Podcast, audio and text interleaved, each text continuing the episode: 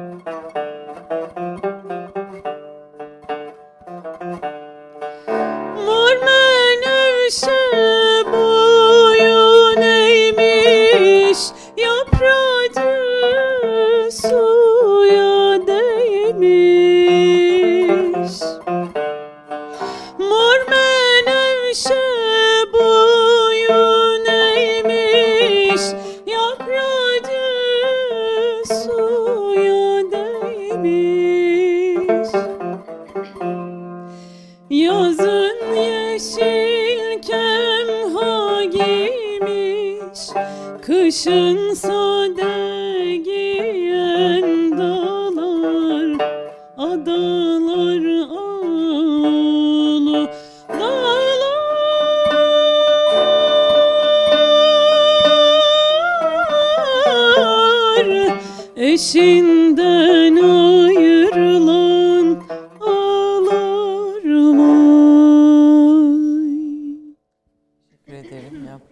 Teşekkür ederiz. Ne dinledik? Ee, Saadet'in kaynağı ait bir Hüseyin'i türküydü. Senin yazın kışa benzer dedik. Peki. Böyle açmış olduk. bir kış günü teşekkür evet. ediyoruz. Hocam hoş geldiniz. Hoş bulduk. Teşekkür Efendim, ederim. Bugün Profesör Doktor Altay e, Tayfun Özcan programda konum Türk kahvesinde konuğum.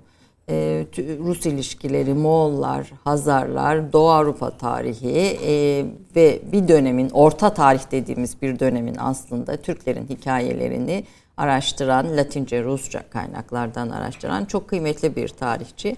E, tarihçileri hep konuk ettiğimizde daha işte yakın çağ veya Osmanlı tarihi üzerine hep konuklarımız oluyordu. Türk tarihi üzerine az sayıda konumuz evet. oldu.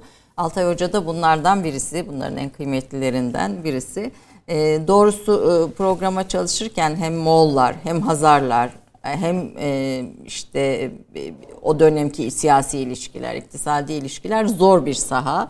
Kaynak açısından zor bir saha ve bu sahayı merak edip nasıl içine girdiniz ve daldınız ve dibine kadar inmişsiniz gördüğüm kadarıyla kaynaklarda Latince kaynakların e, en girift olanlarında bile ısrarla onları e, doğru tercüme etmek veya doğru anlamak için çaba sarf etmiştiniz. Bu nasıl bir merak ediyorum onu dinlemek istiyorum Sağ sizden. Olun, teşekkür ederim. Tabii zor bir e, konu. Tarih başlı başına çok zor. Yani eski çağ tarihçiliğinden Cumhuriyet tarihçiliğine varıncaya kadar.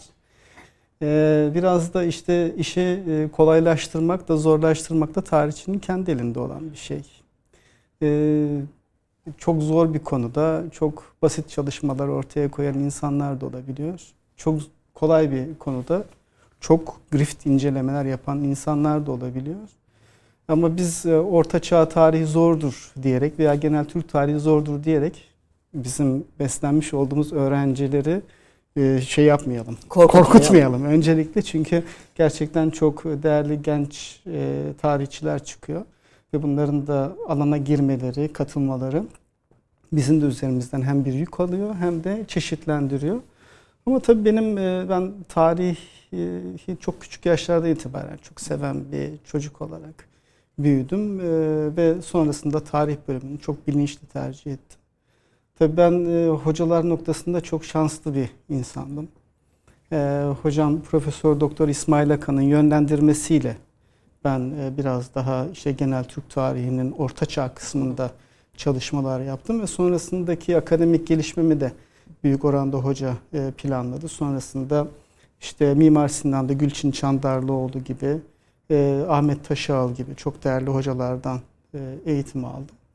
E, benim hikayem bu şekilde başladı. E, içine girdiniz içine böyle. İçine girdik evet. E, tarih bir simülasyon ve tarihçi o simülasyonun içine ne kadar e, giriyor? Bu önemli bir şey e, evet. diyorsunuz. Girdiniz evet. mi siz bu simülasyonda bu Hazarların, ah. Moğolların, Cengiz Hanların, ah. Rusların, Kırım Hanlığı'nın, evet. Ukrayna'nın hatta hani bugün evet. mesele olmasının sebeplerinin içinde e, bir o, o günden bugüne bağ, e, bağ kuran bir derin e, bir şey bir, bir dönem. O dönemin içine ne kadar girdiniz, ne buldunuz evet. o dönemin içinde? Tabii. E, yani bilinenin dışında farklı anlamında kastediyorum. Tarih yok olmuş bir şey aslında.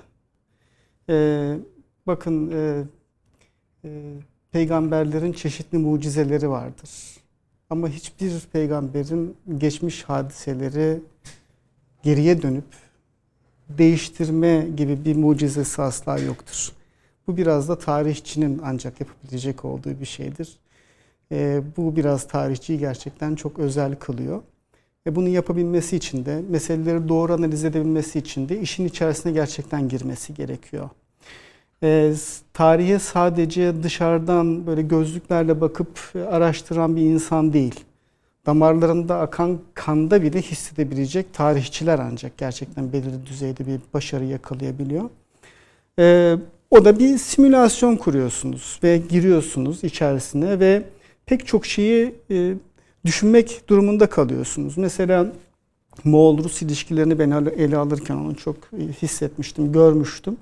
Mesela Litvanya ile Rusların arasındaki bir ilişki veya Moğolların kendi arasındaki ilişki, iki devlet arasındaki, iki toplum arasındaki ilişkilere çok müthiş bir derecede etkisi oluyor.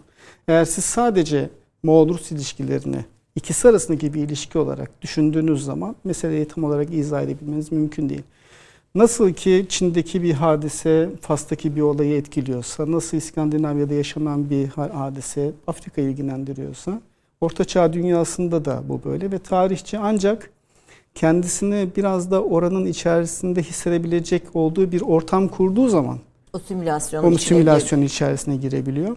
Yani kendi adıma konuşmam gerekirse ben e, e, biraz böyle canhıraş çalışan bir insanımdır. E, benim çalışmalarım halen daha günde e, 7-8 saatten aşağıya çalışmam. Bazen 12-13 saate çıktığım da oluyor. E, ve bu konsantrasyon bana bu ortamı en azından bir köşesinden yakalattırabiliyor. Ee, bunda, bu da herhalde benim şu ana kadar yapmış olduğum çalışmalara çok olumlu etkisi oluyor. Tabii bu çalışmalarınız ödüllerle de, e, de değerlendiriliyor diğer taraftan. Şimdi e, Hazarlardan başlayalım. Hazar Kanlığı'ndan başlayalım. Hazar Kanlığı Türk müydü, Müslüman mıydı, Musevi miydi? Evet. Onla, ve Hazar Kanlığı'nın aslında bulunduğu coğrafyaya e, ve Türklere e, Araplara etkisi ne oldu diye böyle bir genel soruyla başlıyor. Evet şimdi Hazarlar söz konusu olduğu zaman hemen bir işte Musevi Hazar, Yahudi Hazar vurgusu yapılıyor. Benim en çok e, Hazar Kağanlığı hem Hazar Kağanlığı ve etrafındaki dünyada ama biraz da bu en son çıkan Hazarlar kitabında biraz bunu yıkmaya e, şu, çalıştım. Şu kitap değil mi? Evet. Bu, bu çık yeni çıkan kitabınız. Evet, as, Buyurun. evet. Aslında yıkmak değil de gerçeği göstermeye çalıştım. Çünkü ee, Hazarlar e, Musevi miydi? Yani Hazarlar e, sadece Musevi değillerdi. Hazarların ancak hükümdar ve yakın çevresi e, Museviliğe inandılar. Ama toplumun önemli bir kesimi e, en azından 10. yüzyılın başından itibaren ki kaynaklara baktığımızda en çok Müslümanlar var Hazar toplumu içerisinde. Bu işte Mesudi'den İdrisiye, İstahriye varıncaya kadar pek çok Müslüman e, tarih yazıcısı bunu aktarıyor. Müslüman, Hristiyan, kendi dinine inananlar ve kendi ardından da eski dinine eski ve sonrasında da diyor Musevi. E şimdi biz sadece hükümdar ve ailesine bakarak nasıl Yahudi Hazarlar diyebiliriz? Yani bu çok e, yanlış bir bakış açısı. Ama ee, hükümdar muha hükümdar evet Musevi. Museviliği kabul ediyor. Bunun nedenleri şuydu o ayrı bir mesele ama biz Hazarlara bir eğer bir dini kimlik yapıştıracaksak eğer toplum için konuşmak gerekirse bu kesinlikle Musevilik değil. Toplumun içinde hepsi vardı diyorsun. Hepsi var evet ama en çok e, nüfusun geneline yayılan kesim Müslümanlar. Tabii bu ticaretle yayılan bir şey. Ticaret ilişkileri iki toplum arasındaki ticaret ilişkileri Hazar toplumunda da İslamiyet'i oldukça yayıyor.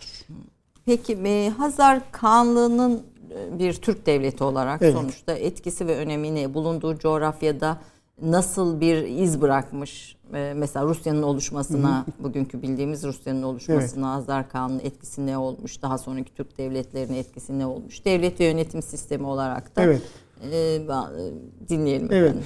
Şimdi tabii e, Rusların e, bu bölgede ortaya çıktı, çıkmaları Hazar Kağanlığı'nın tam da e, artık e, gücünün şahikasında bulunmuş olduğu bir dönemde gerçekleşiyor. Aslında Ruslar bir Viking e, halkı yani İskandinavya'dan gelen İsveçli bir halk ve sonrasında Slavlarla karışarak yeni bir kompozisyon ortaya çıkarıyorlar.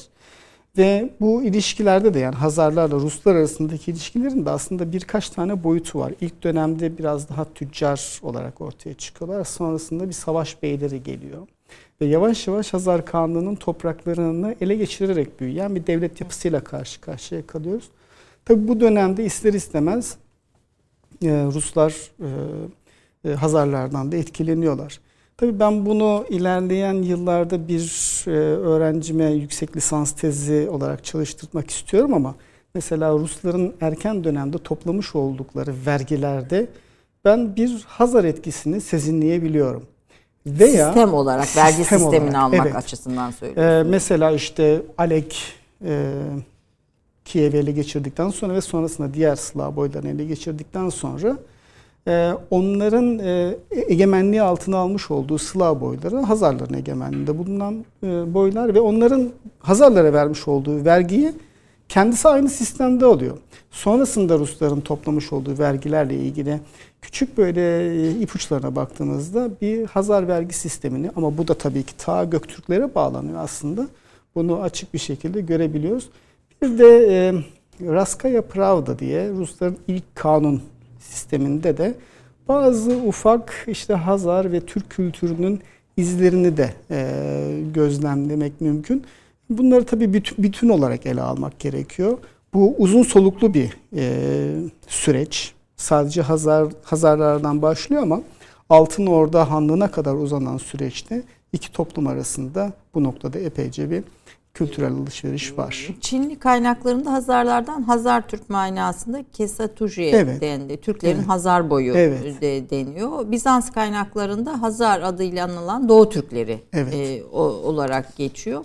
E, Hazar Kanlığı'nın e, kurulması, büyümesi, etki altına aldığı alan ve 100 e, yıl, kaç yüzyıl yaklaşık herhalde 300 300 yılı 300 aşkın, yıl evet. e, devam ediyor. Bizanslılarla olan ilişkisi, Araplarla evet. olan ilişkisi nasıldı? Evet. Tabii şimdi e, Araplarla olan ilişkisine öncelikle e, değinmek isterim. Tabii e, çok şiddetli bir mücadele ortamıyla başladı Hazar Arap Hangi yüzyıllar? Tam, Tam olarak 650'li yıllar. 650'li yıllar. Evet, Aslında Arap Yarımadası'nda Hazreti Muhammed'in evet. çıktığı peygamber evet. olduğu yıllar hemen. Evet. Yani e, Halife Ömer, Ömer'in e, iktidarda bulunmuş olduğu Hı. dönemde Araplar işte Sasanileri üç tane meydan muharebesinde yendikten sonra e, bir işte kol Türkistan'a doğru ilerliyor. Diğer bir kol Kafkaslara doğru ilerliyor.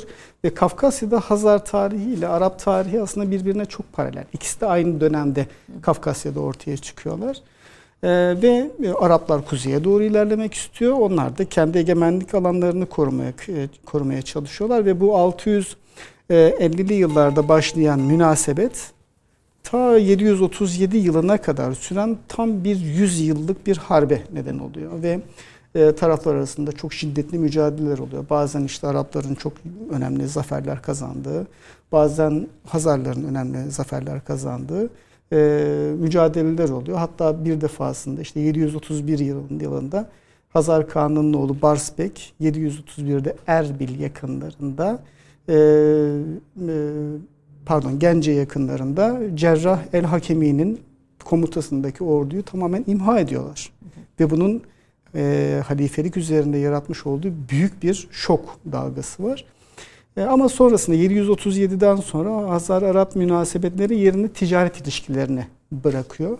Yine arada bazı savaşlar oluyor ama genel itibariyle bundan sonraki dönemde iki taraf arasında ticaret ilişkileri var. Kuzeyden gelen Kürklüler, güneyden gelen işte değerli işte Damask kumaşı gibi mesela kumaşlar. Hatta işte mesela İsveç'te bile e, üzerinde işte Kufi stilde yazılmış Arapça e, yazılar olan elbiseler ortaya çıktı. Bunları Hazarların yaratmış olduğu ticaret hayatının bir İpek ürünü. yolu ticaret evet. hat, İpek yolu ticaret hattının ortaya çıkarttığı medeniyetler diyebilir miyiz? Evet buna? evet. Yani bu 5 numaralı mesela İpek Resim, yolunu evet. açacak olursak eğer orada bunu çok e, yani bir kısmını en azından görebilmek mümkün. Yani işte Çin'den başlayıp ta şeye varıncaya kadar, e, Kırım'a varıncaya kadar uzanan bir ticaret yolu var. Ama bunun diğer bir tarafında da işte e, o Orta Doğu'dan gelip e, Derbent üzerinden Kafkasya'dan İtil'e çıkan ve İtil'den de ta Baltık'a kadar uzanan ve hatta İngiltere'ye kadar giden e, bir açı bir e, noktasında da Hazar Denizi üzerinden yine İtil'e bağlanan çeşitli ticaret yolları var. Ve bütün bu ticaret yolları aslında Hazar Kağanlığı'nı adeta iki tane şah damarı gibi bütün bir vücudu besliyor. Dalgalar halinde bütün Kağanlık topraklarına yayılmış vaziyette. Yani düşünebiliyor musunuz? Yani e, e, Altay Dağları'nda Bizans sikkesi bulunuyor. Yani bu Hazarların yaratmış olduğu bir e, atmosfer. Ticarette çok başarılı. Hatta evet. Rothschild buna dayanarak Roth, Rothschild de Hazar Türküydü filan de denir. Yani siz onun doğru olmadığını evet. söylüyorsunuz ama evet. hani te, te, ticaret e, Hazarların en büyük özelliği gördüm. Kesinlikle. Ama 300 yıllık süren bir devlet idaresi de gerçekleştirmişler. Yani evet. bunu başarıyla sürdürmüşler o günün koşulları için. Tabii yani şimdi baktığınızda mesela Büyük Selçuklu İmparatorluğu diyoruz işte 1040'da Dandanakan'da kuruluyor, 1060'da yok. 120 yıl. Yani siz bundan hesap ederek işte Hazar Kanlığı'nın ne kadar uzun sürdüğünü mesela hesap edebiliriz. Yani aslında şöyle Türk devletlerini sıralarsak Hazar Kanlığı'ndan sonra Selçukları bir, bir miktar onların mirasçısı gibi görebilir miyiz? Ee, şimdi tabii Hazarlarla Selçukluların arasındaki ilişkiler çok e, sorunlu bir mesele. Bazı tarihçiler işte e, Selçuk ve ailesinin Hazar komutanı olduğunu iddia ediyorlar ama ben çok o noktada değilim. Kaynaklarda var Hazarlarla ilişkili olduklarına dair ama o biraz da Hazar Kağanlığı'nın prestijinden kaynaklı olarak onlara bir Hazar bağlantısı eklemlemek gibi bir şey. Ee, yani biraz böyle e, bunları değerlendirirken biraz da bu prestij noktalarını da hesap etmek gerekiyor diye düşünüyorum. Ee, Hazar İmparatorluğu'nu dördüncü resimde gösteriyorsunuz. Evet. Bir onu gösterebilirim arkadaşlar. Aslında büyük de bir Karadeniz'de. Kırım meselesi e, evet. o, ve bugün Rusya ile Kırım arasındaki sorunların kökeni evet. ta o o yüzyıllardan başlayan bir evet. e, izlek e, ortaya koyabilir mi? E, tabii. Şimdi şöyle e, Kırım meselesi Ruslar için her zaman çok tarihi bir mesele oldu. E, hatta e, işte e, Anonymous Tauricus diye bir metin var. Orada 730'lu yıllarda mı yoksa 750'li yıllarda mı? Kırım'da bir Rus beyinin olduğuna dair bir metin. Pek çok tarihçi işte Hazar tarihini yazarken bu metnin doğru bir metin olduğunu düşünerek bu bölgede bir Rus varlığı aradı ve hatta işte 830'lu yıllarda inşa edilen Sarkel Kalesi'nin de Ruslara karşı önlem olduğunu değerlendirdiler vesaire ama Sonrasındaki yıllarda bu metnin aslında e, Rus Dışişleri Bakanlığı ile bağlantılı olarak bir Fransız filolog tarafından uydurulmuş bir Üretildi. metin olduğu ortaya çıkarıldı. Evet yani uydurulmuş bir, uydurulmuş bir metin olduğu ortaya çıktı. Bunu ortaya çıkaran da yani bir Türk değil. Bunu ortaya çıkaran Ihor Shevchenko adlı bir Ukraynalı bir tarihçi. E, ve dedi ki bu metin e, işte e, Georg Hesse tarafından uydurulmuş ama müthiş bir filolog. Hı hı. Dönemin kaynaklarına çok aşina ama bir kelimede yanılıyor. Ve 8. yüzyılda kullanılmayan ama 15. yüzyılda kullanılan bir kelimeyi metnine dahil ettiği anda Ihor Shevchenko bunu, bunu gördü. Tespit ediyor. Evet. Dolayısıyla yani bunun için ifade ettim. Yani Rusların e, bu bölgedeki e, bir şekilde kendilerine köken bulma çabalarının altında yatan bir politika var. Yani bu politika Kırım'da var, Kafkasya'da var, Türkistan'da var. Aslında Rusya demiş olduğumuz ülke gerçekten çok ciddi yayılmacı olan bir tarihi köke sahip olan bir ülke. Ama aynı zamanda bakıyorsunuz kendi içerisinde pek çok etnik unsuru kendi içerisinde kabul etmiş de bir toplum. Yani kendi içinde çok değişik çelişkileri olan, belki bize çelişki geliyor ama Bence e, yani e, Rusya'nın Rusya'yı sadece hani o açıdan değil bir de bu açıdan da bakmak gerekiyor ve bugün baktığınızda işte Kırım'da ee, kendilerine göre belki legal ama uluslararası kamuoyuna göre illegal bir işgal faaliyeti bulunuyor yani Kırım'da. Evet, devam. Yani, Kır, evet. Kırım Türklerinin kökeni okuduğum kadar Göktürklere kadar e, uzanıyor diyebilir miyiz? Aslında e, bugünkü Kırım Türklerinin e, kökeni tamamen Kuman ve Kıpçaklara dayanıyor. Sonrasında Altın Ordu egemenliği bu bölgede yayıldıktan sonra bir miktar işte Moğol da şüphesiz var ama yani büyük oranda Kuman ve Kıpçak neslinden gelen bir halk kesimi. Ve aslında e, onlarla e, diğer yer Rusya ortaya çıkarken, Ruslar ortaya çıkarken ortaya çıkan çatışmalar Bizans evet. egemenliğinde de kalıyor uzun süre. Bir kısmı tabii ki Bizans egemenliğinde kalıyor e, ve sonrasında işte Cenevizliler buraya geliyorlar, koloni kuruyorlar. Sonrasında Altın Ordu egemenliğinde bu daha da kökleşiyor. Ve Fatih Sultan Mehmet'in 1475'teki işte e, seferine varıncaya kadar ki o da zaten Kırım hanlarının ricasıyla gerçekleşen bir sefer ama Osmanlıların tabii ki çok işine geliyor. Çünkü kuzey e, bağlantısını koruyacak. O da tabii ki Bizans İmparatorluğundan beri devam eden bir şey. Burada tabii imparatorluklar aslında biz şey gibi bakıyoruz. Yani bir imparatorluk geldi, bir başkası başladı, farklı politikalar falan. Hayır değil yani. O da onun uygulamış olduğu politikayı devam ettiriyor. Bizans İmparatorluğu Kırım'da vardı. Osmanlı İmparatorluğu da Kırım'da olmak zorunda. Ama tabii ki Türk tarihini şöyle bir genel olarak değerlendirdiğimiz zaman e, Kırım en eski Türk yurtlarından bir tanesi.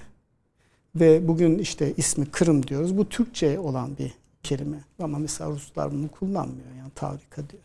Onlar ne diyorlar? Onlar Tavrika diyorlar. Tavrika evet. diyorlar. Evet. Aslında o isimleri yani, kullanmak da biraz evet. E, o o aidiyet meselesinde evet, de evet. politik bir politik süre. tabii şüphesiz. Aslında bizim de bunu e, kendi tabirlerimizi kullanmamız gerekiyor. Mesela ben İtil Irmağı diyorum. Öğrenci çoğu zaman İtil diyor. Yani Volga mı diyor. Yani aslında hayır orası Volga değil. Orası İtil. Yani bazen biz de yanılıyoruz. Mesela Dinyeper diyorum ben. Hayır aslında özü. Bunları kullanmamız gerekiyor. Bunlar bizim o bölgeye vur, vurmuş olduğumuz mühürler. Ve Mesela, öyle bir yani kısa mühürle kısa dönemde kalınmamış o bölgelerde. Tabii, çok uzun süre çok o bölgelerde uzun. Evet. bir Türk devleti yaşamış. Evet, evet. Ee, şimdi Hazarları bilmek Doğu Avrupa tarihi açısından önemli mi? Şimdi bunu bir reklamlardan sonra konuşalım istiyorum. Çünkü siz Doğu Avrupa'daki Türk tarihinin yeniden yazılması gerektiğini söylüyorsunuz. Evet. evet. Yani ki bir 800 yıllık bir tarih var burada Türk evet. tarihi. Evet. Bu neden gerekli, önemli?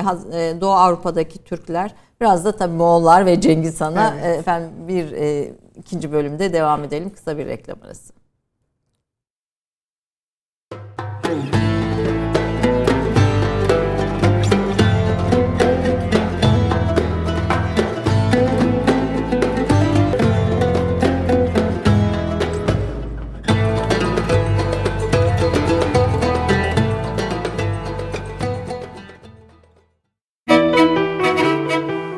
Altay Tayfun Özcan 1979'da Giresun'da doğdu. Ege Üniversitesi Edebiyat Fakültesi Tarih bölümündeki öğrenimini 2003'te Profesör Doktor İsmail Akan'ın danışmanlığında İslam öncesi Türk ve Moğollarda hakimiyet anlayışı teziyle tamamladı. Aynı yıl Mimar Sinan Güzel Sanatlar Üniversitesi Sosyal Bilimler Enstitüsü Orta Çağ Tarihi programında yüksek lisans eğitimine başladı. Bu sırada İstanbul Üniversitesi Edebiyat Fakültesi Latin Dili ve Edebiyatı Anabilim dalında Latin Dili gramer derslerini takip etti. 2005'te Profesör Doktor Gülçin Çandarlıoğlu danışmanlığında hazırladığı Hazar Kağanlığı Bizans İmparatorluğu ilişkileri başlıklı teziyle yüksek lisans eğitimini tamamladı. Ege Üniversitesi Sosyal Bilimler Enstitüsü, Türk Dünyası Araştırmaları Enstitüsü Türk Tarihi programında başladığı doktora eğitimini 2010'da Profesör Doktor İsmail Akan'ın danışmanlığında Moğol-Rus ilişkileri 1223-1341 başlıklı teziyle tamamladı. Altay Tayfun Özcan, hala 2005 yılında araştırma görevlisi olarak çalışmaya başladığı Kütahya Dumlupınar Üniversitesi Fen Edebiyat Fakültesi Tarih bölümünde Profesör Doktor ünvanıyla görev yapmaktadır. 2018 yılında Moğol-Rus ilişkileri 1223-1341 başlıklı eseriyle Türkiye Bilimler Akademisi Telif Eser Ödülüne, 2019'da ise çalışmalarıyla Ziya Gökalp Türk Ocakları İlim ve Teşvik Armağanına layık görüldü. Altay Tayfun Özcan, 2020'de Hazar Kağanlığı ve etrafındaki dünya başlıklı eseriyle Türkiye Bilimler Akademisi Telif Eser Ödülünü ikinci kez aldı. Profesör Doktor Altay Tayfun Özcan konuğumuz tekrar. Ee, eşiniz e, bu sahada evet, çalışıyor. Arkeolog kendisi. O evet. da doktora tezini yazıyor. SİDE ile alakalı bir test e, Çocuklar ne yapıyor evde? İki evladınız var bildiğim ee, kadarıyla. Evet, evet. E, yani bir orta çağ tarihi ve eski tarih. Antik evet. bir anne antik tarihi, baba orta çağ tarihi. evet. İkisi konusunda uzman çocuklar bu bu iki tarihçinin arasında ne yapıyor? Vallahi büyük oğlumuz tarihe çok meraklı. ee, e, Osmanlı tarihi, Roma tarihi bazen ikisi birbirine karışıyor.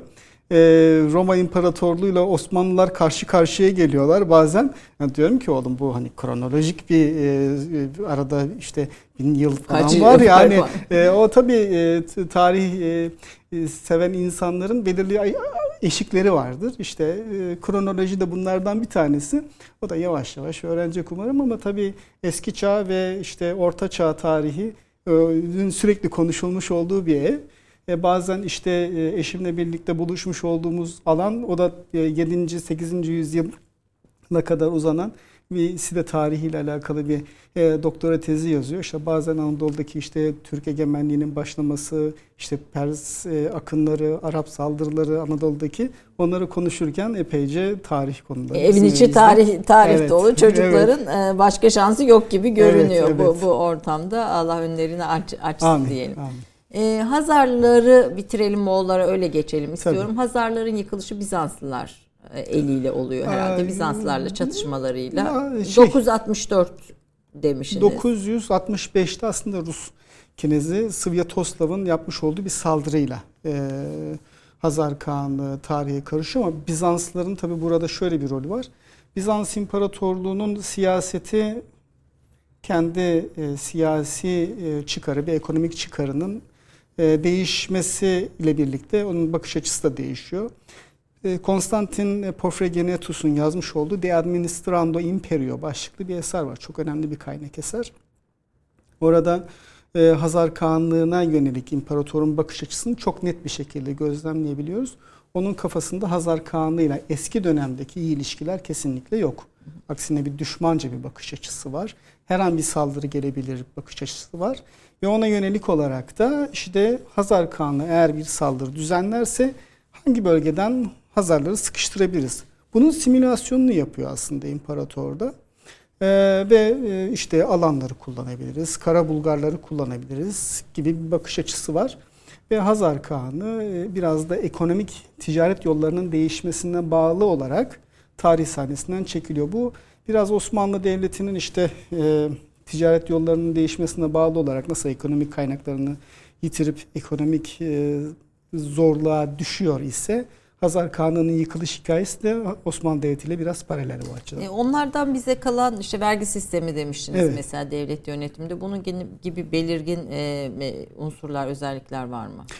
E, arkeolojik olarak baktığımızda e, arkeologlar halen de arıyorlar. Bilhassa da işte onların kayıp başkenti İtil kenti halen daha aranıyor. Yani Hazarların kayıp başkenti İtil kenti bulunamadı. Halen daha bulunabilmiş değil. Son yıllarda e, bazı işte gelişmeler bulunduğu yolundaki ümitleri artırıyor. E, son e, Astaran yakınlarında bir kent e, buluntusu e, ortaya çıkarılmasının böyle bir henüz eşiğinde gibi ama geniş bir kent olduğu anlaşılıyor. O geniş bir kent olması şu açıdan önemli. Hazarların başkent de büyük bir kent belki artık bulunmuştur diyebiliriz belki birkaç yıl sonra. Efendim gördüğünüz gibi bütün detaylarıyla konu derinlemesine hakim e, Altay Hoca e, ve e, o, o simülasyonu yaparken bence siz o, o dönemin bir taraftan bugünü bir taraftan da o gün o dönemin içinde yaşıyorsunuz. Hep böyle bugün yaşanan bir şeyle işte bu o zaman da olmuştu dediğiniz oluyor mu? Yani tarihi hadiseler birbirine çoğu zaman benzer. Yani e, çünkü Bazen diyoruz işte e, tarih bir tekerrürden ibarettir diyoruz. Yani tarih tekerrür etmiyor ama benzer şartlar, benzer psikolojiler, benzer zorluklar aynı neticeleri önümüze getirip koyuyor. Biz buna tarih tekerrür ediyormuş gibi bakıyoruz ama şartlara biraz da inmek Şartlar, gerekiyor. Evet. Hazar Kağanları içinde böyle bir sembolik bir isim çıkar mı öne? Ne yazık ki Hazar Kağanlarından hiçbirisinin ismini biz bilmiyoruz. Evet bazı işte tarihi kaynaklarda işte değişik isimler falan geçiyor ama güvenilir olarak bizim şu Kaan'ın ismi şudur dediğimiz işte belki bir Bahadır ünvanına yakın bir isme sahip bir kişi var. Onun haricinde sadece Hazar Kağan'ın bir oğlu var. Çok savaşçı bir oğul. Ve işte 731 yılında Cerrah'ın ordusunu imha ettikten sonra bir ordu işte Musul'a, bir ordu İran içlerine, bir ordu Ahlat taraflarına gitti. Çok muazzam bir seferi idare eden Barsbek adlı bir oğul var. Onun haricinde de Hazar Kağanlarından bu kadar büyük bir tarihi yaratmış bir devletin e, hükümdarların hiçbirisinin ismini bilmiyoruz. Doğu Avrupa'da hangi bugünün coğrafyasından bakarak nereleri egemenlerdi diyebiliriz? E, tam olarak Dinyeper'e kadar e, batıda uzanıyor toprakları. Kuzeyde Kama boylarına kadar, Kama ırmağına kadar e, uzanıyor. Yani bugünkü devletleri kapsayacak. Bugünkü kapsayacak. Eğer o şekilde bakacak olursak Kazakistan, Rusya, e, işte Ukrayna, e, devletlerinin bulunmuş olduğu coğrafyaya Biraz Bulgaristan'a da e, sanki. Yok oraya kadar yayılmıyor ama e, bir şekilde oraların tarihini de şekillendirecek tabii ki etkileri var. Çünkü e, o bölgedeki Bulgar yapısının e, ortaya çıkmasının nedeni de Hazarların tam da işte Donırma boylarında bulunan Bulgar Hanlığı'na saldırıyorlar ve oradan kopan bir e, parça ve sonrasında Tuna boylarında Tuna Bulgar Hanlığı'nı ortaya çıkarıyor ve onun hikayesi artık orada daha farklı daha şekilleniyor. farklı bir yerde şekilleniyor.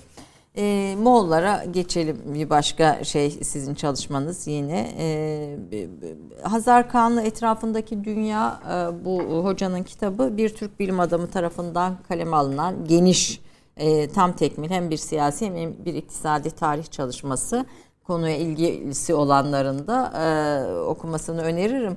E, ben tabii ki şöyle bir göz attım fakat bunun içinde müthiş sinema e, film e, senaryo şeyleri var, önerileri evet. var. E, gerçekten aslında filmcilerin özellikle hani bu dönemi ayrıca çalışmasının evet. önemli olduğunu e, düşünüyorum. Siz bu kitabı 3 yılda yazıyorsunuz. Evet. Hangi kaynaklardan çalıştınız hocam? Şimdi Hazar Kağan'ın tarihi tabii çok farklı kaynak dillerine yayılıyor. Bizans kaynaklarından Arapçaya, Farsçaya, Süryanice'ye, e, Rusça'ya varıncaya kadar 8-9 tane dil var. E, tabii ki ben bu kaynak dillerin hepsinde vakıf olabilmem mümkün değil. Ama işte bir kısmının işte mesela Latince çevirilerinden mesela Grek kaynaklarını takip ettim. Daha başkalarının İngilizce çevirilerinden takip ettim.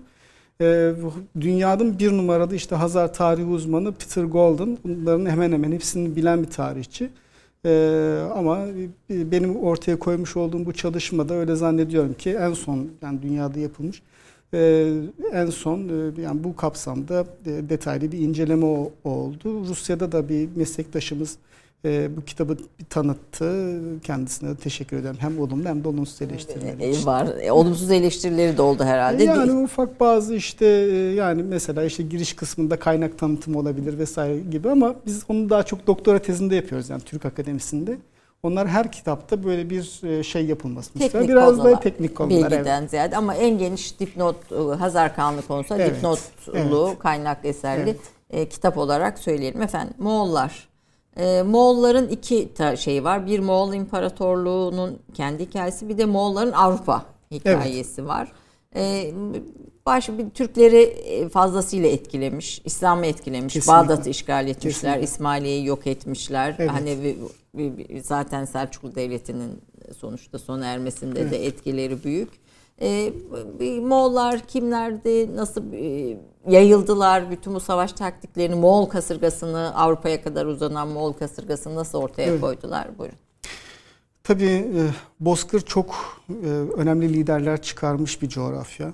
Baktığınızda işte Mete'den başlıyor, e, Mukan'a, Atilla'ya, sonrasında da işte Cengiz'e kadar uzanan bir liderler silsilesi var ve bizim bu, bu arada saymadığımız daha pek çok isim var. Yani mesela Avar hükümdarı, Bayan Kağan gibi.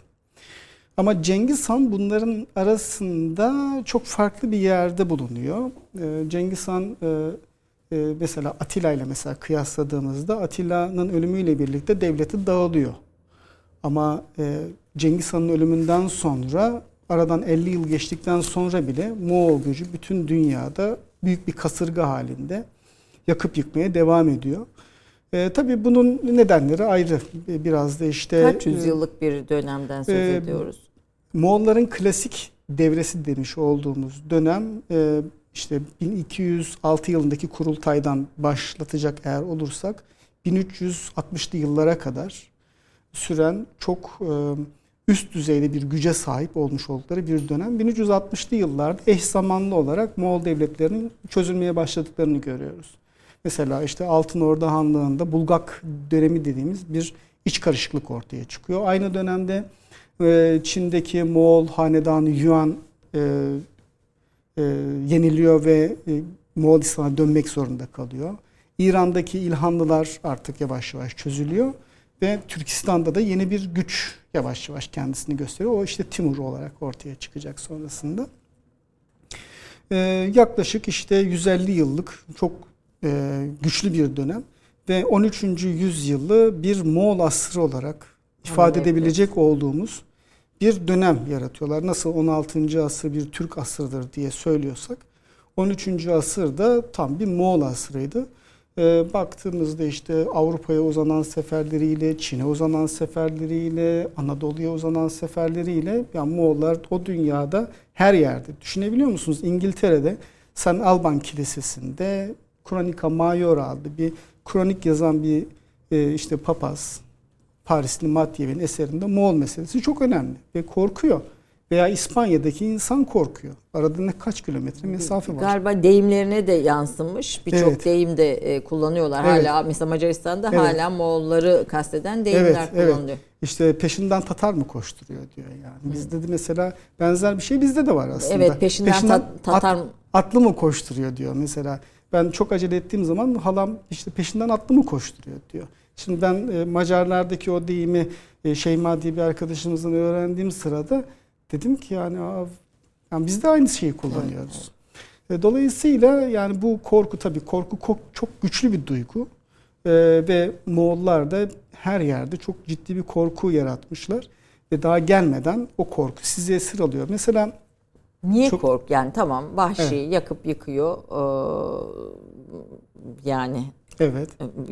Yok ediyor, evet. öldürüyor. Yani korku bu. Ondan sonra ne yapıyor peki? Ya yakıp yıktı mesela. Anadolu'yu da tarumar etti hı hı. ve gitti ve gidiyor ondan sonra. Evet. Ve sonrasında yeni bir düzen kuruyor. Aslında burayı yakıp yıktıktan sonra o bölgede yeni bir düzen kuruyor. Mesela Buhara veya Semerkant burayı yakıp yıktı arkasında gitti diye bir şey yok. Bazı yerlerde hiç bırakıyor. Mesela, mesela ba- Bağdat yine aynı mes- şekilde. Mesela şimdi örnek verecek olursak mesela işte Mao balık dediği, dediği bir yer var. Ee, tam olarak Belh miydi tam hatırlayamayacağım ama e, Cengiz'in torunu Mütügen öldürülüyor orada. Hı hı. Ve e, içerisinde bulunan kedi ve köpeğe varıncaya kadar katlediyorlar ve orası ta İbn Batuta oradan 1340'lı yıllarda geçerken bile mahvolmuş bir vaziyette. Ama mesela Semerkant, Buhara buralarda yeni bir düzen kuruluyor ve Moğol e, işte Cengiz Han'ın e, torunu Mönke'nin büyük hanlığı döneminde onun annesi Sorkaktani Beki kendisi aslında bir Hristiyan olmuş olmasına rağmen o bölgelerde medreseler kurduruyor. Veya din adamlarına orada işte e, destek oluyorlar. Veya ticarethane kurduruyorlar. Dolayısıyla evet bir yakıp yıkma var ama sonrasında yeniden bir düzen kuruluyor. Aynı şey Bağdat için de geçerli. Mesela Bağdat'ta Moğolları 1258 yılında işgal ettiler. Evet çok ciddi bir kıyım oldu ama oradaki hayat sonrasındaki dönemde yine de var olmaya devam etti. Veya İslam dünyasının değişik noktalarında çok önemli kültürel merkezler yine bizzat Moğolların desteğiyle e, kuruldu. Mesela Maraga'daki astronomi merkezi ve orada bulunan mesela Nasirettin Tusi gibi çeşitli Müslüman alimler. Ya Nasirettin Tusi'nin yazmış olduğu eserler ta Erasmus'a varıncaya kadar etkiliyor Avrupa'yı. Astronomi Moğollar için önemli bir bilim e, evet. e, o döneminde belki önemli evet. bilim e, sahasıydı. Tabii Moğollar... onlar da çok merak ediyorlar. Yani e, ve e, Çin ve e, İslam bilimi aslında Moğolların egemenliğinde bir açıdan da birleşiyor. Maraga'da mesela Çinli bir bilim adamı da çalışıyor. Müslüman bir bilim adamı da çalışıyor.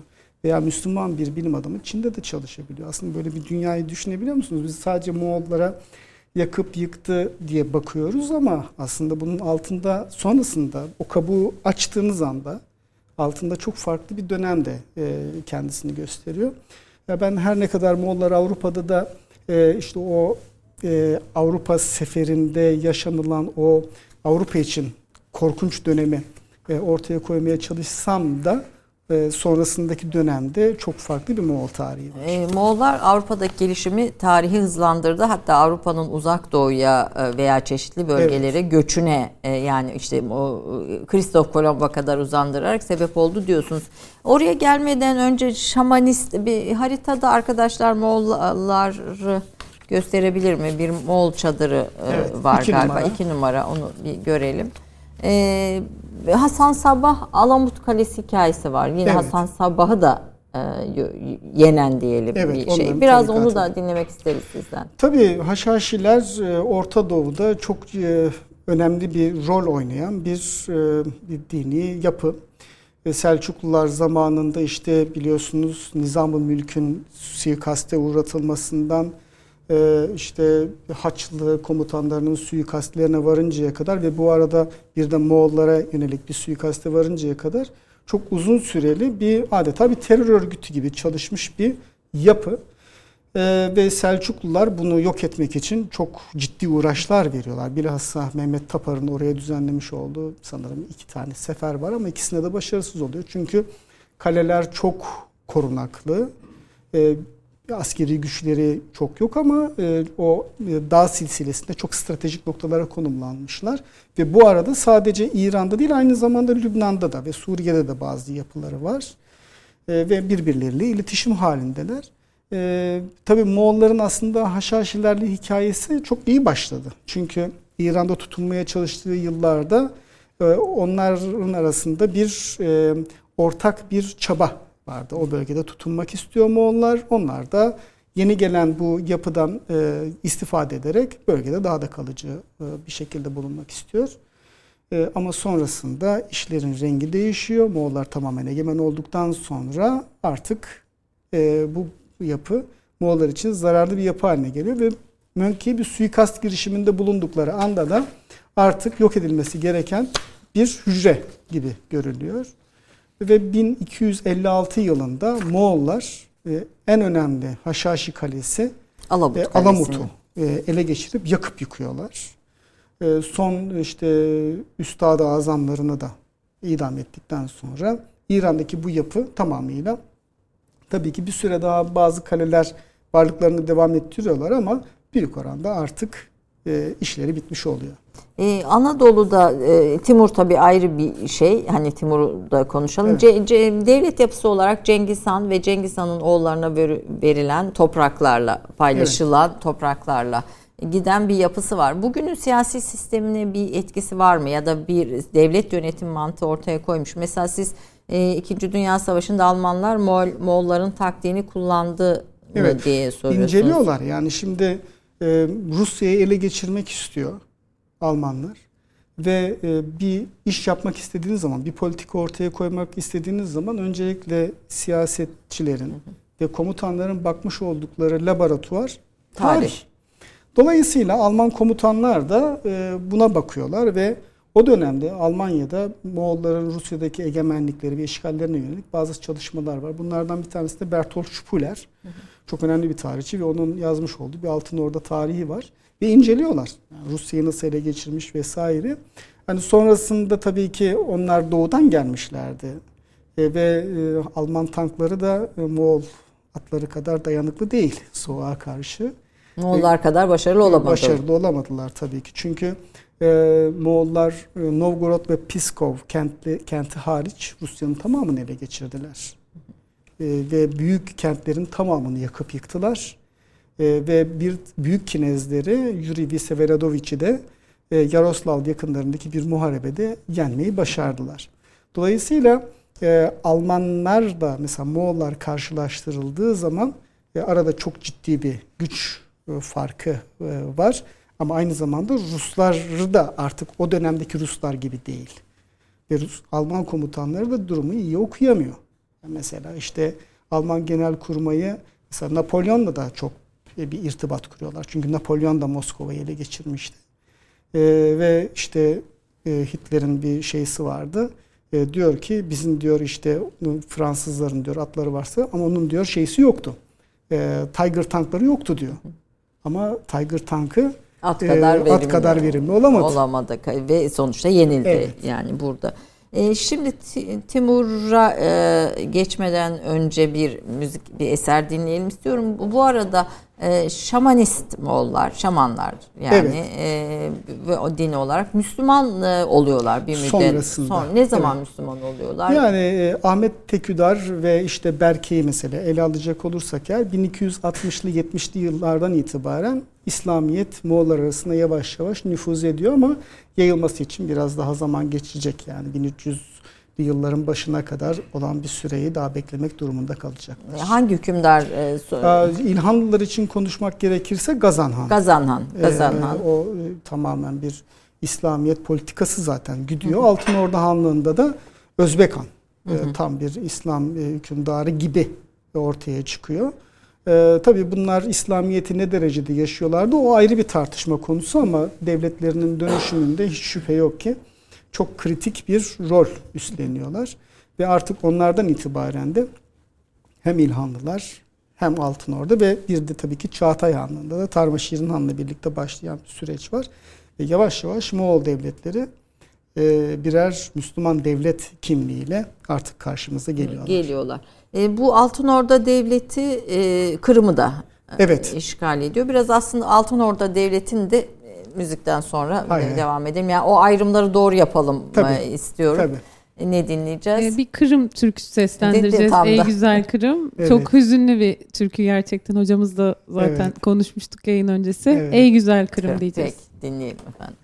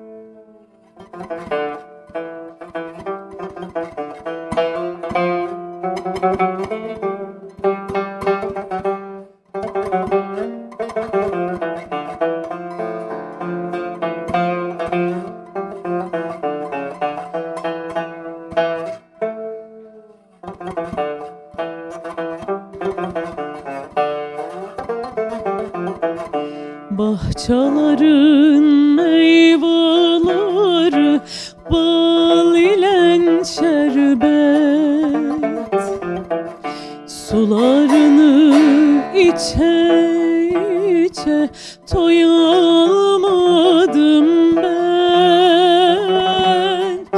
Ben bu yerde yaşamadım. Yaşlıma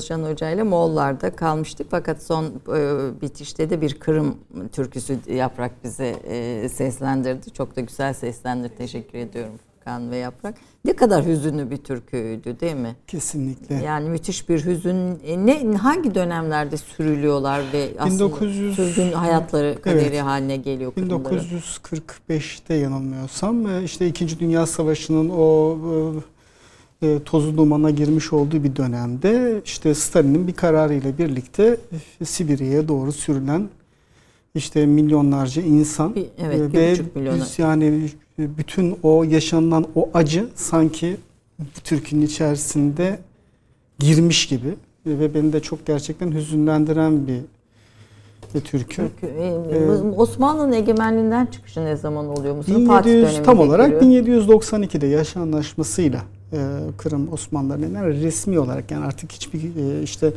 hak iddia edilemeyecek şekilde çıkıyor ve ondan sonra da Ruslar bu bölgede nüfusu e, yavaş yavaş demografik yapıyı oynamaya başlıyor baskı uyguluyor. İşte nüfusun göçünü e, teşvik ediyor. İşte Anadolu'ya göçler o dönemde başlıyor. Kimisi Romanya'ya göçüyor. Ve yıllar içerisinde bu sayılar kimi zaman çok artıyor, kimi zaman azalıyor. Uygulanan politikaya ve değişen değişen politikalara bağlı olarak ama artık günümüzde gelmiş olduğumuz noktada e, Kırım'daki e, Türk nüfusu oldukça azalmış bir vaziyette ve bu ilerleyen yıllarda tabii ki Türkiye'nin o bölgelerde uygulayabilecek olduğu politik alanları da daraltıyor. Tabii ben olaya sadece hani politik e, arena olarak bakmıyorum. Çünkü orası bizim için çok farklı bir coğrafya Kırım. Biz Anadolu'da e, yokken orada vardık. Evet. Ve o bölge Bizans kaynaklarında bile Türkiye diye geçiyor. Ee, ve Türkistan'a kadar uzanan coğrafya e, daha hassas olmamız gerekiyor. Gereken bir şey. evet. Evet. bu arada Cengiz Dağcı'nın onlar da insandı. Tabii Evet, o, o büyük evet, göçü, o bir buçuk evet, milyon insanın evet. göçünü bu Türkiye'yi anlamak için Evet, özellikle evet. e, tavsiye edelim. Moğollara tekrar geri döndüğümüzde Moğollar Anadolu'yu kasıp kavurdular. İşte evet. Orta Asya'dan Türklerin göçüne sebep oldular. Hatta evet. bu evet. sizin sizin notlarınızda da var. Birçok kaynakta da geçiyor. Evet. Ee, Rusya'yı egemenlikleri altına evet. aldılar yani koskoca bir coğrafyayı. Sonra Batı'ya Avrupa'ya doğru yöneldiler. Evet. Niye gittiler Avrupa'ya? Ee, Nereye gittiler? İşte Macaristan evet. meselesi var burada ve niye döndüler? Şimdi öncelikle 3 numaralı e, görseller açabilirsek. Şimdi Moğolların... 3 numaralı görseli, e, evet. Moğollar tabii e, e, Moğolların en büyük seferi bu. E, Moğolistan'dan kalkan bir ordu ta şeye kadar, Adriyatik denizine kadar uzanıyor. Gerçekten müthiş bir harekat ve dört tane ayrı ordu Rusya ile geçirdikten sonra dört tane ayrı ordu halinde Avrupa'ya giriyor. Bir kol, işte kuzeyden gelen bir kol, bu e, Baydar ve Orda'nın idaresinde Polonya'dan ta Viyana'ya kadar dolaşıyor ve burada birkaç defa ve bir tanesi de Liegnitz Muharebesi orada Silisya kuvvetlerinin işte e, bulunmuş olduğu başında işte Kral Henry'nin bulunmuş olduğu bir orduyu tamamen imha ediyor ve hatta işte orada öldürülen işte Hospitaller işte Toton şövalyelerinin işte sol kulaklarını kesip 9 tane çuval içerisinde Moğolistan'a işte bir zafer nişanesi olarak gönderiyorlar falan. Ondan sonra tabii orada 9 sayısı da Türklerdeki işte kutsal sayı falan. Ondan sonra Osmanlılar'da bile mesela bir paşa birisine hediye gönderirken 9 tane gönderiyor mesela. O 9 rakamımız Türklerde tabii Moğollara geçiyor falan. Kutsal bir sayı. Bir başka e, ordu işte Balkanlara iniyor iki ayrı kol halinde ve asıl işte bir kılıç gibi de Macaristan'a giren Batu'nun başında bulunmuş olduğu bir başka ordu var ve Mohi muharebesinde Macar o, e, kralı 4. Bela'nın idaresindeki e, Macar ordusunu tamamen neredeyse imha ediyorlar ve Macar kralı e, Moğol atlılarının önünden ancak kaçarak canını kurtarıyor ve sonrasında da bir adaya sığınıyor. E, tıpkı Harezm Şah Muhammed gibi aslında o da Moğolların önünden en sonunda Abaskun Adası'na sığınıyor. Bu adalara sığınmak ve Moğollardan kaçmak mesela çok mesela Rus kinezi Yuri de yine Moğollardan işte ormanın içerisinde kaçıyor falan. Tabii kaçmak zorunda çünkü başında ne geleceğini biliyor. Ve o korku insanları o kadar esir alıyor ki mesela çok enteresan bir hikayedir o. İbn Bibi'de veya İbn Lesir'de İbn Bibi'de geçiyordu. Ee, sanırım Sivas'ta bir e, çeşmenin başına geliyor bir Moğol askeri. Dokuz tane kişi su dolduruyorlar ve diyor ki atından iniyor dizilin diyor. Diziliyorlar. Kılıcını çekiyor birini öldürüyor. İkincisini öldürüyor. Üçüncüsünü yapıyor biliyor musunuz? Hiçbir şey yapmıyor. Ve Moğol askeri onu da öldürüyor. Dört, beş, altı, yedinciye geliyor. Onu da öldürüyor. 8, 9, 10. Yani şimdi bu hikaye aslında bize o psikolojiyi çok iyi veriyor. Şok oluyor. Tam olarak o ay bu. Bir tane asker. Ve e, İbni Bibi bunu çok e, iyi analiz ediyor. Diyor ki bunlar diyor bir araya gelselerdi bu diyor ufak tefek bir Moğol askerini çok rahat diyor öldürebilirlerdi. Ama işte korku taş korkutundan esir alıyor evet. ve e, ve Moğol atına binip hiçbir şey olmamış gibi çekip gidiyor. İşte aslında bütün Moğol tarihinin e, bir özeti gibi aslında bu. Saldıkları korkunun Saldıkları insanları nasıl korku, etkisizleştirdiğini evet. de gösteriyor. E, ta ki işte yani klasik anlatı o şekilde 1260 yılında Memlükler e, Moğolları durdurana kadar aynı yıllarda 1261-62'de diye yanılmıyorsam Rusya'da da mesela işte Galicia Kinezi Daniel durduruyor ama onu daha sonra tekrar ele geçiriyorlar falan ama yavaş yavaş e, o algı dağılmaya e, başlıyor. Tabii Orta Doğu'daki hikayenin içerisinde daha farklı faktörler devreye giriyor. Çünkü şu ana kadar hep Bozkır'da olan bir ordu ama şimdi Orta Doğu'da çöllerde mücadele ediyor. Ama Avrupa'da tabii çok daha şanslılar. Çünkü e, Avrupa'da Bozkır'ın bir uzantısı tam Macaristan'ın içlerine varıncaya kadar ve kendi coğrafyalarında savaşıyorlar aslında. Ve kullanmış oldukları taktikte e, İslam öncesi Türklerin kullanmış olduğu temel e, taktiği Savaşta. kullanıyorlar. Yani sahte ricat yapıyor. Mesela Lignitz Muharebesi'nde 9 Nisan 1241'de e, orduya yaklaşıyor, ok atıyor, ardından geri çekiliyor. ordu Moğol ordusu kaçıyormuş zannederek onun üzerine geliyor ve ardından da pusu kurmuş olduğu bir yerde aniden ortaya çıkarak onları çevreliyor. Bazen de bir açıklık bırakıyorlar. Düşman ordusu oradan kaçarken onların üzerine hücum edip bu sefer tam imha gerçekleşiyor. Malazgirt'te de bu var. Baktığınızda Kurtuluş Savaşı'nın son harekatında da bu var. Yani bu e, Türk tarihinde pek çok defalar ortaya çıkan bir zafer öyküsü aslında. Her bir noktada 3 aşağı 5 yukarı aynı. Aynı şey. 1242'de ee, Macaristan, Lehistan, Balkanlarda pek çok bölgeyi tarumar ediyorlar. Hatta evet. Avrupalılar e, Fransa, Hollanda, İspanya'ya saldırabileceklerini zannetmeye başladıklarını evet. yazıyorsunuz İtalya'ya gideceklerini. Evet. evet. Ee, Avrupa'nın önceliklerini tamamen değiştirdi Moğol evet. saldırısı Avrupa'ya evet. Diyorsunuz. Biraz onu Hı-hı. anlatın. Avrupa'yı nasıl etkiledi, nasıl değiştirdi? Avrupa tarihini hızlandırdı. Avrupalılar için uzak diyarları efsane evet. olmaktan çıkarttı diyorsunuz yine de. Evet. Şimdi tabii e, Moğolların e, Moğollar geldiler ama döndüler. Hı hı. Fakat yeniden gelebilirler. E şimdi geldiler işte Macaristan'ı tavrımar ettiler ama bir sonraki gelişlerinde belki çok daha uzak diyarlara gidebilirler. Yani Avrupalıların kafasındaki en büyük korku o yıllarda 1243, 44, 45 tam olarak bu vardı. Macaristan tabi bundan en ağır darbeyi yediği için kendisini Moğollara karşı müthiş bir kale sistemiyle örerek bundan kurtulmaya çalıştı. E, ve Osmanlı adeta, karşısında başarısının da belki sebebi evet, olabilir. Evet yani e, Osmanlı mesela sınırlarındaki mesela Macar kalelerine baktığınızda adeta bir dikenli tel gibidir yani. E, bunu e, Geza David e, iyi bir şekilde ortaya koymuştu. Osmanlıların Macaristan'a ulaşmalarının bir anda yavaşlamaya başlıyor Osmanlı ilerleyişi. Çünkü kale ele geçirerek, ele geçirerek, ele geçirerek adeta Osmanlı gücünü, o büyük bir dalga gibi gelen gücü bir şekilde o kale sistemi dalga kıran gibi kırıyor. Kırıyor, kırıyor, kırıyor. Ve düşünebiliyor musunuz? 1. Murat 1389'da 1. Kosova'da e, zafer kazanıyor. E, ve Osmanlılar 100 kilometre ilerideki e, Macaristan başkentini ancak 1526'da ele geçirebiliyorlar. Yani 200 yılı aşkın bir e, dönemden sonra Burada bir ele Moğollara karşı yapılan kale sistemi. Bu kale sistemi aslında Osmanlıların ilerleyişinde Macarların işine yarıyor. Ama tabii ki işte 1244-45'te bir başka e, aşamaya geçiyorlar. Acaba Moğolların gelişini diplomatik olarak engelleyebilir miyiz süreci yaşanıyor ve Papa 4. 4. Innocentius bir heyet gönderiyor. Onun da çevirisi yakında çıkacak. Plona Karpinili Johannes adlı bir din adamını e, beraberinde bir heyetle birlikte Moğolistan'a kadar gidiyor ve 1246 yılında e, Moğol Hanı Güyük'ün tahta çıkış törenine katılıyor. Güyük'ün huzuruna çıkıyor.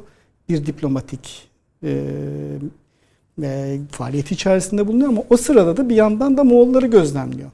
Moğolların e, yemek kültüründen e, diplomatik alışkanlıklarına, savaş kültürlerine, askeri teçhizatlarına, kültürlerine, diplomatik işte alışkanlıklar varıncaya kadar her şeyini gözlemliyor ve ardından da işte bir eser kalemi alıyor. Historia Mongolarum Kuosnos Tartaros Appellamus Moğol e, Tatarlar olarak andığımız Moğolların tarihi adlı bir eser kalemi alıyor. Onu da çevirdim. Yakında e, çıkacak o da. E, ama diğer taraftan tabii ki e, bir süre sonra Moğollarla Avrupalılar arasında daha farklı bir ilişki ortaya çıkıyor. Bu da ticaret ilişkisi. İşte Marco Polo'nun Kırım'dan Çin'e kadar uzandığı ve sonrasındaki tüccarların da Çin'e uzanarak kendi ürünlerini orada sattıkları, Çin'in ürünlerini de kendi topraklarına getirmiş oldukları bir hat ortaya çıkıyor. Ve aynı zamanda bir de buna yeni bir şey daha ekleniyor. Memlüklere karşı bir Haçlı projesi.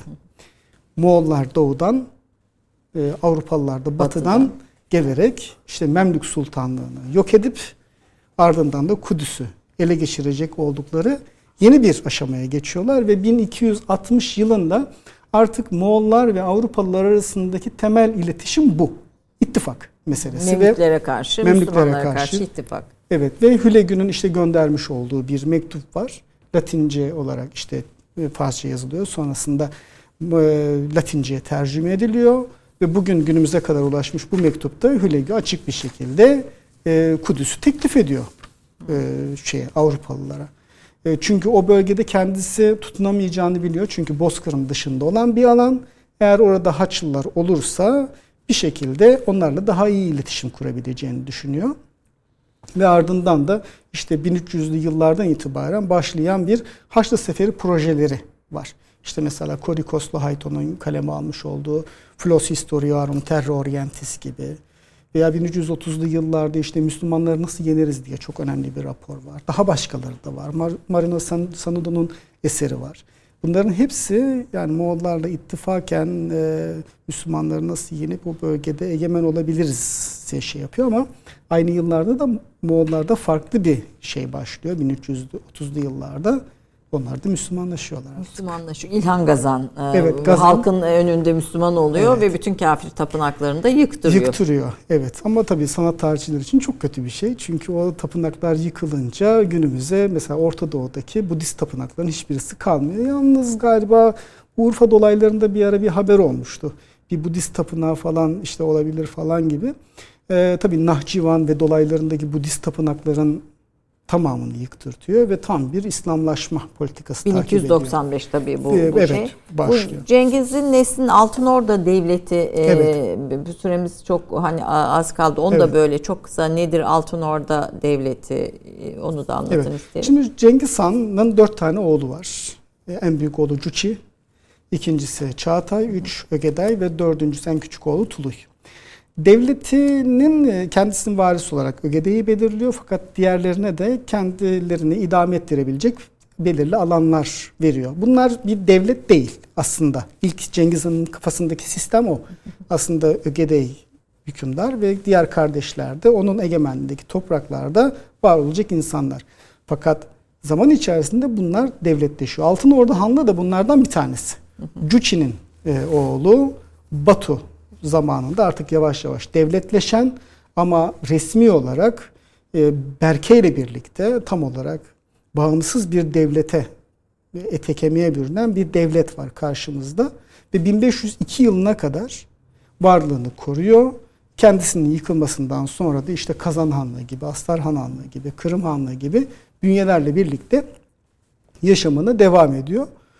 Ee, tabii işte çok önemli tarihi simalar çıkarıyor. Batu gibi, Berke gibi ki Berke işte İslamiyet'i kabul ediyor ve Hülegü ile de mücadelesi var. Terek Irmağı'nda Hülegü'nün ordusunu yeniyor ve hatta işte bir şeyin Memlük tarihçisinin kaydına göre işte muharebe meydanını geziyor. Bakıyor ki her yerde Moğol ölüleri var, cesetler. Çok üzülüyor. Ve diyor ki Allah Moğol kılıcıyla Moğolları öldüren Hülegü'nün belasını versin diyor. Şimdi bu söz, bu beddua aslında Moğollar arasındaki değişimi de çok güzel bir şekilde yansıtıyor. Artık ortada Tengri yok. Ortada artık Allah, Allah var. var ve dönüşüyor ama tabii çok erken bir dönem. Berke'nin ölümüyle birlikte devlet yeniden eks, e, eski Ne zaman Moğol Hanlığı tarihe karışıyor? Ee, Moğol İmparatorluğu. Moğol İmparatorluğu. Bence 1792. Yani Osmanlıların artık e, Kırım'ın e, kendilerine ait olmadığını tam olarak kabul ettikleri anda bence artık bitiyor. Ama e, 1370'li yıllar tam olarak artık Moğol İmparatorluğu'nun gücünü kaybetmiş olduğu dönemler artık ondan sonra hikaye çok farklılaşıyor. E, Pakistan, Hindistan tarafları, Babürşah filan. Evet onlar tabii Timur sonrasında Timur. kurulmuş olan yapılar. Tabii onlar da yani Timur'da en nihayetinde kök olarak bir Moğol'du ama Türkleşmiş bir Moğol'du. Han da değildi. Değildi Hı. ama işte e, zaten tarihte yenemediği tek kişi de Cengiz Han'dı. Onun ruhuydu, onun mirasıydı. Çünkü Timur'un han olma e, durumu yok. E, çünkü Cengiz'in neslinden gelmiyor. O dönemde öyle bir anlayış var. Eğer hükümdar olabilmeniz olabilmek istiyorsanız Cengiz'in soyundan gelmeniz gerekiyor. E, o da yok. O halde işte e, kuklahanlar tahta çıkartıyor veya bir şekilde kendisi e, Cengiz soyundan gelen hanımlarla evlenip ardından onun neslinden gelen çocukları tahta çıkarma gibi bir projesi var. Ama olmuyor. Bir ara İslam hükümdarı olarak ortaya çıkıp e, şeriata dayanarak bunu perdelemeye çalışıyor. Bir İslam hükümdarı gibi ortaya çıkmak istiyor ama o coğrafyada hala daha Cengiz'in ruhu dolanıyor. Ve bundan ötürü de hiçbir zaman bir han olamıyor. E, Timur'un devleti ne zaman bitiyor? E, Timur'un devleti e, işte Timur'un ölümünden sonra işte bir, bir taht kavgası yaşanıyor. Şahruh tahtaya çıkıyor. Ardından Ulu Bey ve çok karmaşalı bir dönemden sonra artık 1500'lü yıllara doğru artık o bölge o da, artık o da, o bölgede. iz, iz kalmıyor artık ve başka bir hikaye başlıyor topraklarda. Ee, Cengiz Han'ın e, devlet yapısı bugün de hala bir örnek e, teşkil ediyor mu? Biraz onu konuşmuştuk. Hani güçlü bir medeniyet kurduklarında biraz Semerkant'ta özellikle. Mesela Türkçe olarak Ali Şiir Nevai'nin e, Çağatay Türkçesi galiba yine o evet, dönemin evet. içinde evet. sayılabilir. Tarihi dönem içinde. Farsça konuşuyorlar diye bir not almışım hocam. Şimdi e, tabii Alişir Nevai çok önemli bir değer. Çağatay Türkçesi de çok önemli bir değer. Moğollar aslında e, ilk kuruldukları dönemden itibaren üst yapıda bir Moğol yapı ama tamamen devlet yapısında eski Türk Kağanlıklarından gelen bir yapıyla hareket ediyorlar ve bu kanalı da Uygurlar üzerinden alıyorlar. Yani Uygur devlet adamlarının Moğol bürokrasisindeki etkisiyle birlikte aslında biz daha Cengiz Han'dan itibaren bir Türk devleti modeli modelini görüyoruz. görüyoruz. Yani bugün yani Cumhurbaşkanlığı forsundaki altınlardan e, yıldızlardan bir tanesi Altın Orda Hanlığı. Evet. Yani baktığınız zaman bu devleti kuran hanedan Moğol. Ama biz niçin bunu Türk devleti olarak kabul ediyoruz? Çünkü zaman içerisinde bu devlet Türkleşti. Ama bu sadece Altın Orda ile ilgili bir süreç değil. Ta Cengiz Han'dan itibaren başlayan bir Türkleşme var. Bunun içerisinde tabii ki işte bu bürokrasi var, İslamlaşma var. Çünkü Moğollar e, Türkler tarafından Müslümanlaştırıldılar. Mesela Türkler Farslar tarafından Müslümanlaştırılmış olabilir ama Moğollara İslamiyet'i öğretenler Türkler oldu. Ondan ötürü e, e, zaten Moğollar belki de e, Türkler tarafından İslamiyet'in öğrenmesiyle birlikte bu kadar bu din içerisinde bu kadar bağlandılar. Çünkü onlara İslamiyet'i öğreten insanlar da aslında Sufi dervişler. Nakşibendiliğe önem veriyorlar. Sonrasında Timur, Timur zamanında evet. evet. Çünkü o biraz da şeyle ilgili. Yani işte Cengiz'in e, karizmasını e, yok edemediği yerde e, kendisine yeni bir başlangıç yapması gerekiyor. Bu biraz mesela Selçuk'ta da var. Selçuk da kendisi bir hükümdar soyundan gelmiyordu ama bir gazi hükümdar olarak ortaya çıktı. İslamiyet bütün soyu sıfırlıyor. Ve şimdi o bir gazi hükümdar olarak ortaya çıkıyor. Aynı şeyi mesela Selahaddin Eyyubi'de de görebiliyoruz. Zengi ailesinde de görebiliyoruz. E, Orhan Gazi'de de görebiliyoruz. Peki hocam e, daha dinlemek isterdik fakat e, süremizin evet. sonuna geldik ama gördüğüm kadarıyla hani hangi parantezi açsak o parantezde ilerleyecek derin bilgileriniz var. Sağ olun. E, ne okuyorsunuz diye merak ediyorum. İşte biraz önce seyyahların kitaplarından söz ediyorduk. Yani yeni bir şeyler okuyor musunuz yoksa bütün okuduğunuz bu bu, bu döneme dair kaynaklar mı bulabiliyor musunuz kaynakları? Evet. Şimdi şöyle ben e, benim e, entelektüel hayatım bir okuldaki hayatım var. Orada tamamen kendi çalışmalarımla meşgulüm. Ama evde e, tamamen kendi alanım dışında okumalar yapıyorum. Yani eski çağ tarihinden Osmanlı tarihine varıncaya kadar, Cumhuriyet tarihine varıncaya kadar. Biraz da benim hocalarımla da bunda çok ciddi tesiri var. Benim mesela İsmail Hocam da, İsmail Aka da, Gülçin Çandarlıoğlu da sadece kendi konularında değil çok değişik konularda araştırmalar, şeyler, okumalar yaparlardı.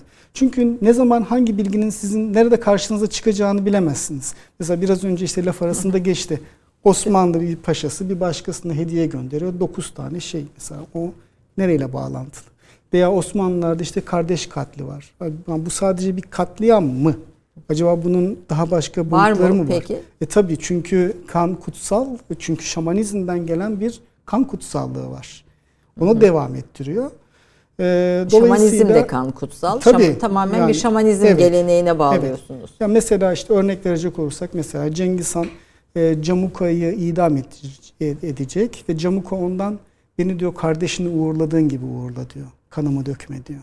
Hı. Ve o da tamam diyor ve onun belini kırarak idam ettirtiyor. Eğer kanını dökmüş olsa o öbür hayatta var olamaz. Osmanlılarda da bu devam ediyor. Hmm, kanını döktüğünde öbür hayatta var, var olamayacak. Var olamayacak. O tamamen şey, şamanizm ve evet. ondan sonraki şeyi evet. evet. bağlı. Aslında şamanizm de biraz konuşmak istiyordum şaman inanışlarını ama ona çok vakit kalmadı. Biraz önce bir şey söylediniz. Onu izleyicilerimizle paylaşayım istiyorum. Hocam bu e, okuduğu seyahat seyahatnamelerde bir şey bulmuş. Türkler çok konuşmaz diye. Evet, evet. Ama bugünün e, Türkleri çok konuşuyor diye bir bahseder yani, hocam? Mesela ben e, kendi babaannemden mesela örnek vereyim. Babaannem çok böyle konuşan bir kadın değildi. Onun yaş grubu da çok fazla konuşmazdı. Sonra ben işte Osmanlı seyyahlarını, Osmanlı topraklarına gelen işte yabancı seyyahları okuduğumda yani işte Türkler çok konuşmaz işte falan. Hatta Osmanlı Sarayı'nda da işte sağırlar ve dilsizler var. Osmanlı Sultanı işte bir işaret yapıyor. O onu yapıyor falan. E, dolayısıyla böyle bir toplum yapısı var ama günümüzde geldiğimizde biz biraz daha fazla konuşuyoruz. Şimdi genç benim öğrencilerime baktım onlar daha da fazla konuşuyorlar. giderek artıyor yani ama, ama öz, artıyor. özde, özde Türkler çok konuşmaz. evet. Seyahatnamelere geçmiş herhalde evet, geçmiş. E, e, kelime olarak. Doğu Avrupa tarihini Türkleri de katarak yazma e, öneriyorsunuz. Buna evet. ilişkin bir iki not ve son sözlerinizi evet. alarak e, yaprağa paslayalım. Evet. E, tabii şimdi artık e, çok farklı bir döneme geldik. 1940'lı yıllarda Zeki Veldi Togan bir makalesinde kütüphanede The Encyclopedia of Islam'ın bulunmamasını eleştirirken biz bugün bilgisayarlarımıza girdiğimizde 10 saniye içerisinde bu ansiklopediyi bilgisayarımıza indiriyoruz. Veya e, işte Rusya'da yapılmış kazı raporlarına ulaşmak 1950'li 60'lı 70'li yıllarda çok zorken bugün artık dijital ortamda bunların hepsini artık indirip bilgisayarımızda okuyabiliyoruz. Artık araştırma yapmak eskiye göre çok çok daha kolay bir hale geldi. Ee, ve eskiden sadece e, tarihi yazılı kaynaklara bakarken artık bugünün araştırmacısı sadece ona bakmıyor. Aynı zamanda arkeolojiye de bakıyor. Onu da kullanıyor. Son zamanlarda gen de çıktı ama ben o konuda biraz daha mesafeli duruyorum en azından şimdilik. Ama bugün artık e, gerçekten e, e, çok farklı bir eşikte bulunuyoruz. Çok farklı bir tarihçilik eşiğinde bulunuyoruz. Eski hocalarımızın yazmış olduğu her şey çok kıymetli. Hepsinin değerini biliyoruz. Ama artık genç tarihçilerin yeni şeyler söylemesinin zamanı geldi. Bugün gerçekten çok iyi yetişen. daha zengin. Kesinlikle.